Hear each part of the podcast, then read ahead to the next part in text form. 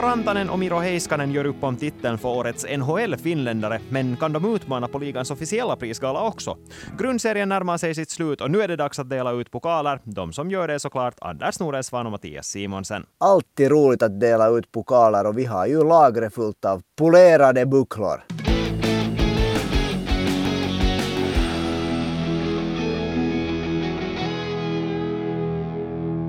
Knappt två veckor återstår av grundserien och trots att det är många viktiga poäng som fortfarande ska delas ut så vågar jag nog nästan påstå att man redan med ganska stor säkerhet kan säga vem som kommer att ta hem de stora priserna för den här säsongen. Och då när vi börjar titta på vilka pris som ska delas ut så hittar vi ju på såklart ett helt eget, alltså den som ska koras till säsongens bästa finländska NHL-spelare. Och här finns det väl ändå Anders bara två kandidater? Utan vidare. Det finns ju många Många som har gjort fina säsonger, många som har överraskat positivt, men det där, nu är det ju så att, att det är M1M-herrarna Mikko Rantanen och Miro Heiskanen som nog har varit trots allt på en egen nivå av de finländska spelarna. Mm, Mikko Rantanen har vi ju snackat mycket om i den här podden också, hur viktig han har varit för Colorado Avalanche och dessutom gjort alldeles otroligt mycket poäng. Eget poängrekord, nosar på 50 mål, behöver bara ett till för att komma upp till den milstolpen. Miro Heiskanen har samtidigt verkligen kommit igång den senaste tiden och stigit på backarnas poängliga i hela ligan sett också. Så vad är det som talar, om vi börjar med eh, Mikko Rantanen, vad är det som talar för honom för att han ska vinna det här priset? Ur Finländskt perspektiv så är det ju såklart milstolpar som ligger nära. Det här med 50 mål, vi har gång på gång sagt att det är bara Jari Kurri och Teemu Selänne som har gjort det och Jari Kurri och Teemu Selänne är ganska stora, hur ska man säga, kolosser i den finländska ishockeyhistorien. Så har han ännu den här 100 poängen, det där kanske på gaffeln. Det allra viktigaste tycker jag är hur viktig Mikko Rantanen var för Colorado under den tunga perioden när Nathan McKinnon var skadad, när Cale McCarr var skadad och Gabriel Landeskog har varit borta hela tiden. Valentin Tjuskin har varit skadad. Det var en period där under de riktigt mörka delarna av året när Mikko Rantanen spelade upp till 29 minuter per match och drog ett grymt lass och gjorde väldigt många avgörande insatser i matcher som Colorado behövde poäng från. Ja, alltså det som jag tycker att är lite knasigt med det hela det här är att man på något sätt inte ens är värst överraskad att han håller på att göra en sån här fantastisk sång. För om vi bara backar bandet sig nu tre, fyra år så skulle det här ju ha varit en en sån här säsong där alla följer med det konstant varje dag när Colorado Avalanche har spelat. Har han faktiskt gjort mål eller inte? Och nu vågar jag ändå påstå att det bara är de här riktigt diehards Colorado Avalanche eller Mikko Rantanen-fansen som gör det. För att väntevärdet på de finländska NHL-spelarna är så skyhögt för tillfället. Men ändå så går det inte att undvika att den här säsongen är alldeles exceptionell. Dels rent poängmässigt helt som du sa, men också det här framförallt det som du lyfter fram om det här hur viktig han var för lagen när det verkligen vägde tungt. Den här säsongen tycker jag att det har kommit med ett nytt ettrigt självförtroende till Mikko Rantanen. Vi såg till exempel i matchen mot Dallas här för några veckor sedan hur han, han är det där ganska tjurig och han, ger, han börjar och bråka med de andra finländska spelarna i Dallas och han det där han är, redan, han är ju en etablerad elitspelare, en av de bästa spelarna i NHL. Det där, så att på det sättet är man inte mer överraskad hur bra han producerar. Men jag tycker att det har kommit en sån här ny sån här egenskap av sån här ledarskap och sånt här att hej, att kom inte och hoppa på mina tår liksom i hans spel. Och det som gör det ännu större är ju det att det kommer efter att de har vunnit Stanley Cup. För man kan lite liksom pejla av samma utvecklingskurva hos Nathan McKinnon tycker jag. Just det där att han blev, eller steg fram som en sån där alldeles fruktansvärd vinnarskalle före de vann Stanley Cup. Att han tog det liksom på sig att föra laget hela vägen dit den där första gången. Och nu känns det lite som att Mikko Rantanen har bestämt sig för att okej, okay, nu är det jag som ska bära ansvaret för att vi går dit igen. Och då ska det ju sägas att McKinnon inte alls har blivit sämre heller. Nej, nej McKinnon gör sin bästa säsong någonsin för tillfället. Men Miro Heiskanen då, vad är det som talar för honom i den här fighten om vårt stora NHL-pris? Det där, jag tycker att det finns två spelare som man kan säga tävlar om priset vem som är den viktigaste spelaren för Dallas Stars. Ena är Miro Heiskanen eh, och den andra är Jason Robertson som precis nu har gjort 100 poäng och den första Dallas-spelaren någonsin att göra över 100 poäng. För Miro Heiskanen talar det att han är, han är för tillfället då är han femma i, eh, i backarnas poängliga i NHL. Han är det där på väg att möjligen bli alla tiders mest effektiva finländska back under en, under en säsong. Men det är liksom inte, inte bara det, utan det sättet som han spelar. Det finns en sån otrolig sån här självsäkert lugn över Miro Heiskanens spel och hur han hämtar upp pucken och hur han, liksom, hur han leder eh, sina trupper super kan man säga varje gång han är inne på isen. Mm, det känns ju nog faktiskt som att den här säsongen tog han det där sista avgörande klivet in i NHLs backelit. Nu, nu tycker jag att det kan vi åtminstone slå fast att han har gjort. Men med det sagt så tycker jag också att det fanns en tredje spelare där som du nu helt och hållet glömde när du nämnde vem som varit viktigt, viktigast för Dallas. För Jake Oddinger skämtar man nog inte bort heller. Nej, det har du rätt i. Och hela den här trion var ju draftad samma år, vilket är ju lite rolig detalj förresten. Det var nog ett lyckat år för Dallas Stars i entry-draften. Men oavsett så tycker jag att det också liksom lite talar emot Miro Heiskanen. För när, det, när vi snackar om hur viktig Mikko Rantanen var under de perioderna då Colorado behövde det som mest, så har Miro Heiskanen liksom hela tiden varit en av gänget i Dallas. Att han har aldrig behövt stiga fram, vilket ju såklart är ett positivt problem ur Dallas Stars perspektiv. Men samtidigt tycker jag att det gör hans chanser lite sämre om vi jämför just de här två spelarna. Ett motargument är att eh, Miro Heiskanen missade också några matcher här på grund av skada eller var det sjukdom, någon det kommer inte ihåg, eller var det kombination. Och då var Dallas inte samma lag när Miro Heiskanen inte spelar så är inte Dallas samma lag och det reagerar jag på då. Just det där att, att det är faktiskt så att Miro Heiskanen är, är det där, mm, han har antagligen också ett sån här, en sån här psykisk inverkan på Dallas. Att liksom, det finns ett visst lugn över hela laget när, när Miro sitter där och väntar på att hoppa in på isen för att inte tala om när han är på isen. Mm, tycker du då att Colorado Avalanche är samma lag när Mikko Rantanen är borta? Nej, det är, han, det är det inte, men, men det där det här liksom, det är, det är liksom sådana små marginaler det är nästan löjligt att, att det blir att verkligen spjälka, klyva hår. Men att det där, jag tycker att Nathan McKinnon och Cale McCarr tillsammans har en, så, när, när de är liksom med så har de en så enormt stor inverkan på, på hur Colorado spelar. Att, att då när de alla tre finns med också det där på isen så tycker jag att både Cale McCarr och Nathan McKinnon sen ändå sist och slutligen är lite, hur ska man säga, mera drivande i Colorado-spel än vad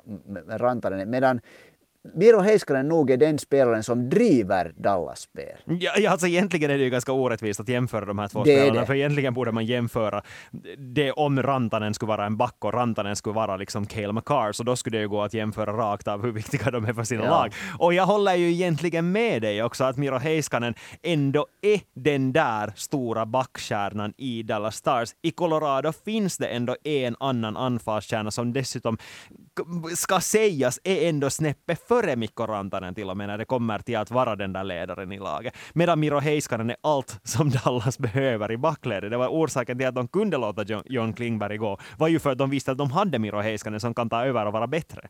Och sen är det om man tänker jämför det här finländska perspektivet så är ju det där, sist och slutligen så är ju egentligen Mikko Heiskanen den, äh, Mikko Heiskanen, Miro Heiskanen den första sån här det där över hela NHL, den här finska backstjärnan. Reijo Ruotsalainen i tiderna var ännu en sån här som det där på det sättet lite under radarn. Radarn att New York Rangers var inte ett fruktansvärt bra lag på den tiden. Och det där och han var kanske lite före sin tid som finländsk back. Han var en annorlunda back. Men Miro Heiskanen är en sån här, liksom, han är en av de stora backstjärnorna i NHL och den första finländska att vara det. Jo, men samtidigt så är jag inte helt redo att överge Mikko Rantanen i den här diskussionen heller. För att vi kommer inte ifrån det heller att Mik Miro Heiskanen är med i den här diskussionen, höll jag också på att säga Mikko, nu, du av. Miro Heiskanen är med i den här diskussionen bara tack vare att hans senaste månad har varit så otroligt bra att om han inte skulle ha hållit på med en sån här takt där man nästan väntar sig att han ska stå för minst två assist varje kväll, så då skulle han inte vara med i det här snacket överhuvudtaget. Då skulle Mikko Rantanen vara den solklara stjärnan. Och det tycker jag att säger att hur bra Mikko Rantanen har varit över hela säsongen. vi har ju kritiserat nordamerikanerna för att fokusera för mycket på vad som händer under våren. Så nu tycker jag att vi ska blicka på hela säsongen och då tycker jag att Mikko Rantanen ändå är den som ska få det här priset. Det där är en väldigt bra poäng. Och, och det där, och Mikko Rantanen eh, faktiskt, han har igen tycker jag kanske lite tappat i formen här under den senaste månaden. Han har inte sett lika dominerande ut mera. Han hade en fyra, fyra poängs kväll här det där men, men det var, äh, för att säga helt ärligt så kom de där poängen lite lätt som de ibland gör. Men det där... Sen när äh, har det spelat ja, någon roll när vi pratar om ja, just, spelare? Det här, alltså, det här är helt orättvist. Han har, ja. ska vi när standarden är grymt hög så ja. då kan man liksom tala om sånt här. När någon är liksom huvud över de flesta på många sätt i Mikko Rantanens fall så då blir det sånt här kverulerande. Men där sa där... du det. Där sa du det? Standarden som Mikko Rantanen Ja. har satt är så hög och därför tycker jag att han ska få det här priset. jag är liksom ännu sådär balanserar på det här. Det som jag ännu tycker om jag ska lyfta med Mik- Miro Heiskanen som jag tycker att är så otroligt. Han är ändå så ung ännu. Han är, tror jag, är han tre eller fyra år yngre än, än Mikko Rantanen. Och backarna brukar ju ofta mogna lite senare. Att han spelar det där det är en sån här, alltså, om det är någonting som präglar Miro Heiskanens spel, faktiskt mer än Mikko Rantanens spel, så är det att Miro Heiskanen spelar i varje situation helt otroligt moget. Han bara inte går bort sig någonsin. Så om jag tolkar det rätt nu så röstar du ändå för Miro Heiskanen. No, jag röstar för det där och, och det här är den här kanske den här förkärleken för att vi har haft topp ytterforwardar tidigare som har, varit bland de, som har varit bäst på sin position i NHL. Vi har aldrig haft en back som, som verkligen kan vara NHLs bästa back och jag tycker att backen i dagens, den, den backtypen som Miro Heiskanen representerar är så väldigt viktig i NHL för tillfället.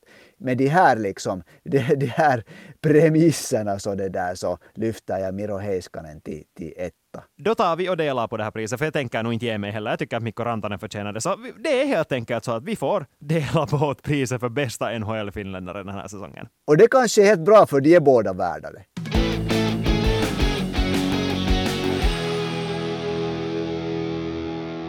Nu måste vi genast ta itu med Jonas fråga och innan vi gör det så ska jag passa på att påminna dig att om du har en fråga så skicka in den på Ylesportens Instagram eller per mail till svenskasporten.yle.fi. Där hittar vi dem. Men Jonas undrar så här, har någon finländare chans att vinna något på NHLs prisgala? Och här har vi ju två kandidater åtminstone. Båda är det där bra kandidater, men det där ingen dera kommer att, att vinna de kategorier som de skulle kunna vinna, det vill säga, det vill säga då Hart Trophy för, för Mikko Rantanen. Han kommer inte mer att kunna bli målkung den här säsongen. Och Norris Trophy för Miro Heiskanen.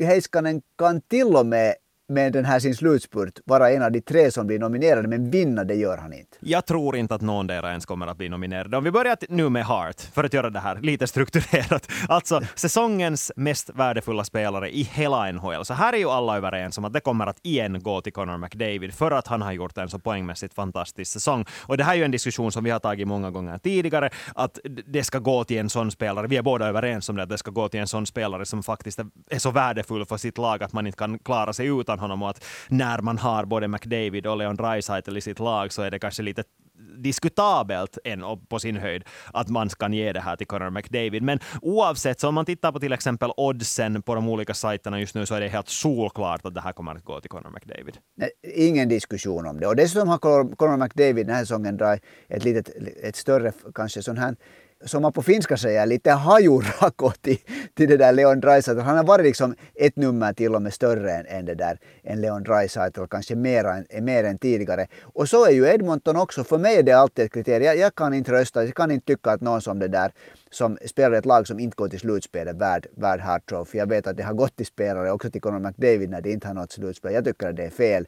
Men det där, eh, Edmonton är ju faktiskt eh, helt en realistisk kandidat att, att till och med ta sig vidare till, till Stanley Cup-final. De två andra kandidaterna då, för det är ju alltid tre kandidater som utses till de här priserna. Vem tror du att kommer att vara de två andra? Ja, den frågan är nog svår. Den frågan, om, om jag det där, om jag, jag gör så att jag, jag det där nonchalerar det vad jag, vad jag egentligen tror utan jag säger det som jag kanske tycker att ska vara värda det. Då det där tycker jag att ifall äh, det här laget som vi har sågat, ifall Florida Panthers tar sig till slutspel med någon jäkla vänster nu, lyckas göra det. Så då måste jag säga att jag tycker att Matthew Kachak som kom till Florida eh, gör sin andra över 100 poängs säsong borde vara ett, ett ganska tungt namn att, att, att åtminstone diskutera. Jag håller med dig till 100 procent på den punkten. Jag hade också faktiskt Matthew Tkachuk som tvåa på min lista. Att han ska vara tvåa bakom Connor McDavid, men också med samma brasklapp. Det kräver att Florida går till slutspel. Otroligt att vi har tänkt på samma sätt. Ja, här det är nästan som att vi tycker lika, åtminstone ibland. Eh, Jag tänker ta nästa namn här nu, för att det här är ett namn som jag tror att kan finnas med på den här listan och det är Jason Robertson från Dallas. No, jag hade också Jason Robertson där och då är det ju ganska komiskt att just har vi diskuterat vem är viktigare, Jason Robertson eller, eller Miro Heiskanen, men då vill det ju alltid bara bli så att, att, att det där forwardarna har, ett, äh, har liksom ett försprång i de här, i de här situationerna. Jo, och, det... det, och nu vill jag säga här att det här är alltså inte min personliga åsikt om vem borde finnas där, utan det här är den som jag tror att kommer att finnas ja, där. och, och det här att han gick över 100 poäng. Det här att han gick över 100 poäng första Dallas-spelaren någonsin. Det är en stor grej. Och så det där en liten till grej också att det där att där Conor McDavid är, är det där en kanadensisk ikon så är Jason Robertson en ung amerikansk spelare för Stars and Stripes. Och sån här, vilka ju i och för sig Matthew Tkachuk också är. Men det här kan också spela. Men så har jag ett namn som har diskuterats mycket under den här säsongen. Mm. Ett lag som också har gått stora steg framåt. Som har figurerat i diskussionen och som jag tippar att blir en av de tre kandidaterna och det är Jack Hughes från New Jersey. Uh, Jack Hughes och jag kontrar med att det kan vara David Pasternak också. Jo, det kan vara David Pasternak. Men då är ju nog frågan att Linus Ullmark eller David Pasternak, vem är MVP för Boston? Nej, det är en jättebra fråga, men just om man bara tittar på oddsen just nu, jag hittade en sajt som sammanställer alla odds i alla de här kasinorna i Vegas, vad det nu finns. Jag vet inte varifrån man ens kan sammanställa de här, men här åtminstone. Enligt dem är topp tre McDavid, Pasternak och Ullmark. Så det är liksom antingen då eller antagligen Pasternak eller Ullmark, för inte tror jag att de tar två spelare från Boston till den omröstningen. Inte. Nej, det är sant. Och det är, ju, det är inte ofta som målvakter kommer dit. Carey Price tror jag var den senaste. Det där. No, han, han fick ju titeln också till och med, men en, en som det där som alternativ, som, som sista av de här tre kandidaterna som är på slutrakan. Men Linus Ullmark gör ju nog en det där ganska ikonisk säsong. Det är liksom, han ligger där på närmare 93 i räddningsprocent över hela säsongen. Och det är hårt. Det är nog väldigt hårt när han har spelat mycket matcher. Men att, jag tror de namnen som nu är nämnda här så det är nog därifrån de två andra kandidaterna. För det är inte någon fråga överhuvudtaget att Conor McDavid. Jag tror att han får alla röster. Ja, antagligen. Och, och nu ska det sägas att Mikko Rantanen har ju nog en outsider-chans att ta sig till den här omröstningen som en finalist också. Det har, men då, då måste du komma ihåg att när det är så i praktiken att den här eh, våren har en stor inverkan, den våren som Nathan McKinnon har nu gjort, han är klart den näst bästa spelaren i NHL poängmässigt för, för att han kom tillbaka efter, efter sin skada. Och det där, så han gör ju en helt sjuk säsong. Så att jag tycker nog att på det sättet är det nog svårt att säga att Mikko Rantanen skulle vara, gå förbi honom. Bästa back då? Norris Trophy? No, det där, här skulle det nog vara kul att säga att Miro Heiskanen skulle vara en av de tre kandidaterna. Men han, kom, han kommer ju inte att vara det. det Nej, nu är det ju Erik Karlsson som kommer att ta sin tredje Norris Trophy. Jep, och där kan man också diskutera om han faktiskt är värd. För att det roliga är att Hans Karlssons är ju offensivt den solklart bästa backen i NHL den här säsongen. Det går ju inte att liksom understryka tillräckligt, men samtidigt så när man talar om den bästa backen så borde man kanske också tänka, tänka på de defensiva kvaliteterna. Men och, det gör det inte, nej, du vet det. det gör de inte. Och då tycker jag personligen, om jag får lyfta fram en sån som jag skulle ha där, så då skulle det vara Dougie Hamilton från New Jersey Devils. Igen men, tänker vi på samma sätt. Det här är ju kriminellt. Ja, faktiskt. och Miro Heiskanen tycker jag också att skulle kunna vara en av de här tre, men han kommer inte att vara det, utan istället kommer det antagligen vara Adam Fox och Cale McCarr. Josh Morrissey ska du nog inte glömma bort från det där, för Josh Morrissey det där har gjort en helt otrolig säsong. Och han har inte varit tidigare. Jag tycker det finns en beställning på att ta också backar som kanske inte har varit tidigare. Så därför tycker jag att Josh Morrissey är helt klart en av de här tre kandidaterna. Varför, och, inte, varför inte Quinn Hughes i så fall? Han är före honom i poängligan. No, det, ja, att kan man ta, och det skulle, nu skulle det vara lite vansinnigt om Erik Karlsson kommer att vinna det som, som vi är överens om. Och så är det där eh, uh, Kin Hughes också en av kandidaterna. Två lag som inte, inte har någon chans att nå slutspel. Så det blir lite på något sätt tycker jag lite vridet. Men det, där, det kan nog hända. Men jag ändå skulle säga om Erik, Erik Karlsson det här att nu har det ju lite avtagit. Det ser ut som Erik Karlsson inte skulle hinna till 100 poäng och det har ju varit den där grejen att ingen har gjort 100 poäng sen Brian Leach 1992 av backarna i, i det där NHL. Och det är, bara, det är så fruktansvärt få backar överhuvudtaget som har nått den här 100 poängs eh, gränsen. Så det, där. så det har ju varit det där snacket om Erik Karlsson når 100 poäng så är det självklart att han måste vinna. Nu kommer han ju inte antagligen att nå 100 poäng men fortfarande så ligger han en, en god väg ovanför de andra i poängproduktionen, så nu är det svårt att, att förbigå honom. Calder Trophy är en annan pris där Mattias Macelli skulle kunna vara aktuell, men där har vi ju också redan tidigare konstaterat att det kommer att gå till Matt Beniers. Nå så är det väl, fast Mattias Macellis slutspurt är nog ganska grym för tillfället. Han har ju en, ett högre poäng per matchsaldo än, än det där Beniers. Han har mest assist och han är för tillfället nu redan tvåa i den här rookie-poängligan han gör ju grymt starkt ifrån, ifrån sig. Men så är ju såklart Matti Benier spelar i ett lag som går till slutspel och det måste man också liksom understryka. och, det, och ja. det här är faktiskt en jättebra poäng som jag läste om det här. Han spelar som en första center i ett ja. lag som kommer att gå till slutspel. Så, nu är han värd det. Är just det där att Mattias Macelli må vara hur imponerande som helst och vara en så stor överraskning ur finländskt perspektiv som helst, men han kommer inte att vinna det här priset. Han kan vara en av de tre som blir nominerade tack vare att han har varit alldeles lysande den senaste tiden, men det kommer att gå till Beniers. Inte, inte kommer vi ifrån det inte heller. Och jag tror att Macelli kommer att bli nominerad. Men sen den tredje skulle jag där vilja lyfta fram ett namn som, som inte har diskuterats hemskt mycket men där som också kommer från Dallas och det är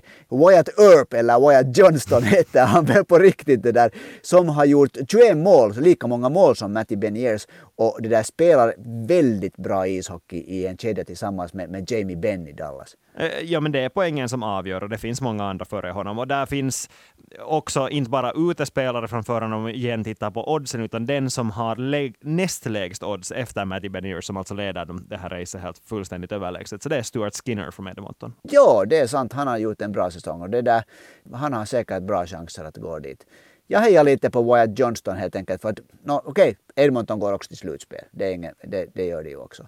Men Dallas, Dallas har ju en chans att vinna hela, hela den där västra konferensen. Jag har bara varit väldigt imponerad av hur den unga, unga det där Johnston spelar. Besigner Trophy är ju ett pris där det ofta brukar hittas finländare och framförallt Jose Saros den senaste tiden. Men är det så att han ens ryms med i topp tre det här, det här året? För nu kan vi ju alla igen från första början vara överens om att Linus Ullmark kommer att vinna det här priset. Så Jose Saros kommer oavsett inte att få det, men kommer han att vara en av de här finalisterna. Han har en chans att, få det, få, att, att, att bli en av de tre finalisterna och det är om Nashville under de här sista dagarna av grundserien gör en total, otrolig, oväntad kullerbytta, lyckas kliva in och ta en slutspelsplats, vilket de inte kommer att göra. Det är väl nu senast nu klart de förlorar just en tung match här det där.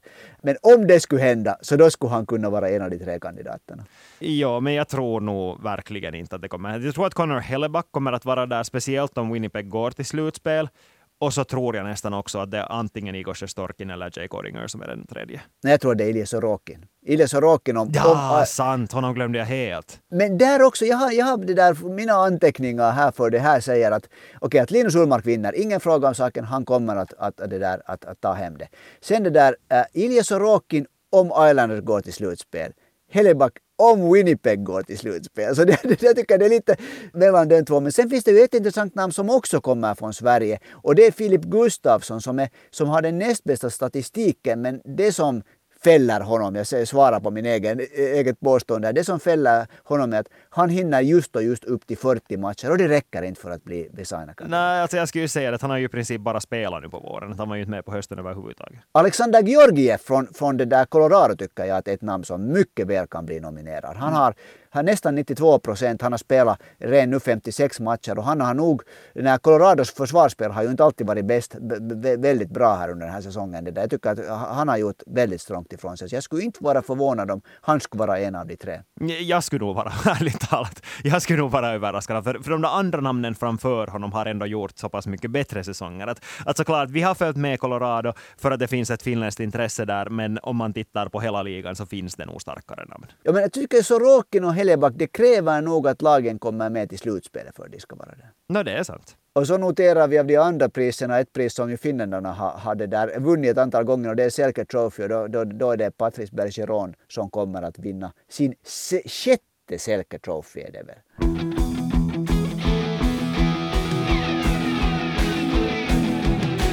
Förra veckan så skickade Sebastian in en fråga och undrade om eh, vilken som, eller vilka målvakter som skulle kunna vara sådana årtiondets största målvakter. Och så avslutade jag den diskussionen med att säga någonting som upprörde lite New York Rangers-fans genom att säga att Henrik Lundqvist inte är en av de här alla tiders största målvakter. Och nu har vi fått en till fråga av Sebastian, kanske inspirerad av den här lilla kommentaren. Vem vet? Men han undrar nu, vem är den bästa spelaren och målvakten som aldrig vann Stanley Cup? För mer ett av mina kriterier var ju det att jag ville att den här målvakten som skulle finnas med på den här listan var uttryckligen en Stanley Cup-vinnare. Men eh, om vi tittar på sådana som aldrig vann. Då börjar jag med spelaren och här har jag ett solklart val i, min, i mina papper.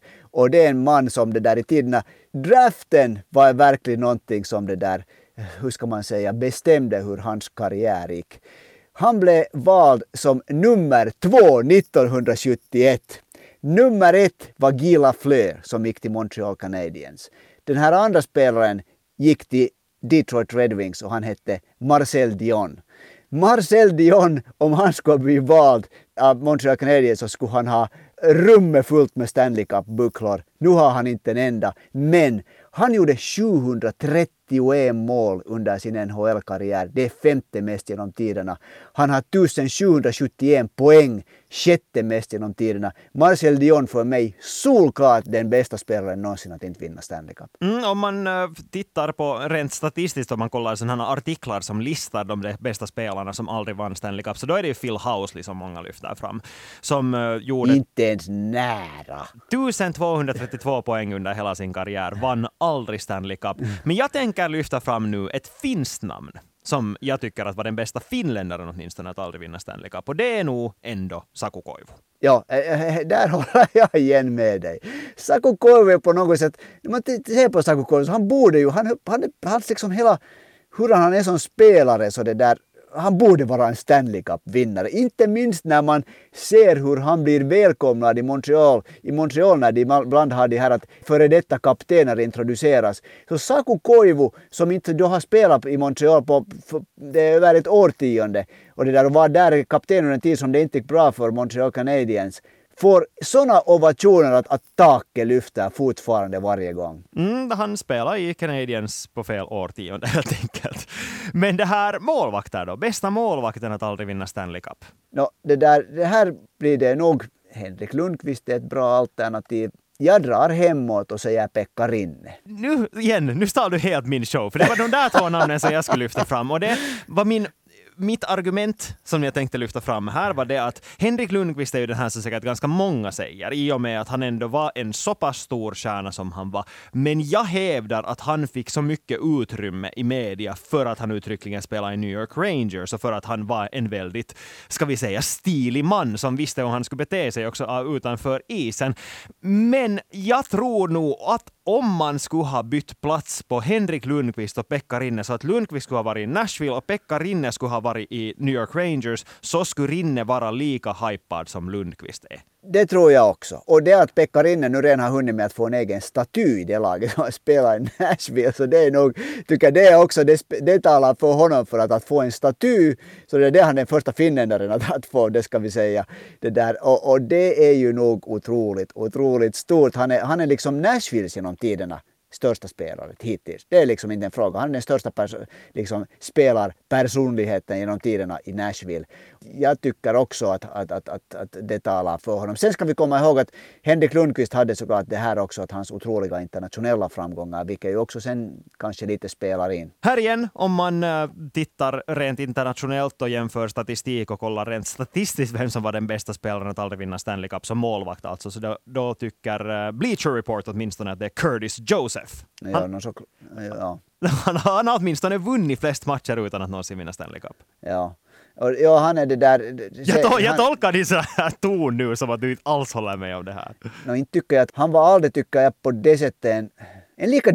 Jag vet inte om en mål kan vara dominerande, men om man tänker just att Pekka Rinne till exempel, då Pekka Rinnes plockhandske är ju en, är det där, lever sitt eget liv. Alla talar om att, att ha en plock, plockhandske som Pekka Rinne liksom. Han, han var så otroligt på något sätt. Det fanns så mycket. Men, men okej, okay, Curtis Joseph kanske nu lite här i mina papper då får, får negativt för det finns så hemskt många stora nordamerikanska och kanadensiska målvakter men det inte finns så många det där finska och nordiska målvakter. Mm, men det finns en till finsk målvakt och en till kanadensisk målvakt som vi nog måste lyfta fram på den här listan. Mika Kiprusov och Roberto Luongo. Ja, Roberto Luongo, han, han, det där, han är nog den som jag av de här kanadensiska målvakterna, skulle, de nordamerikanska målvakterna skulle, skulle liksom skuffa in hit i den här diskussionen. För han, han var, ska vi komma ihåg att han var med om att vinna det här otroliga OS-guldet för 2010 i Vancouver framför hemmapubliken, vilket ju var en stor grej. Mika Kiprusov definitivt också en, där en spelare som hör med här. Kiprusovs karriär på toppen var ju inte nära heller lika lång som det där äh, Pekka Rinne. Han hade inte nära på lika många riktigt bra säsonger. Mm. Och med det tar vi sätter punkt för det här avsnittet av Yle Sportens NHL-podd. Vi är tillbaka igen nästa tisdag. Tack och hej och ha det bra!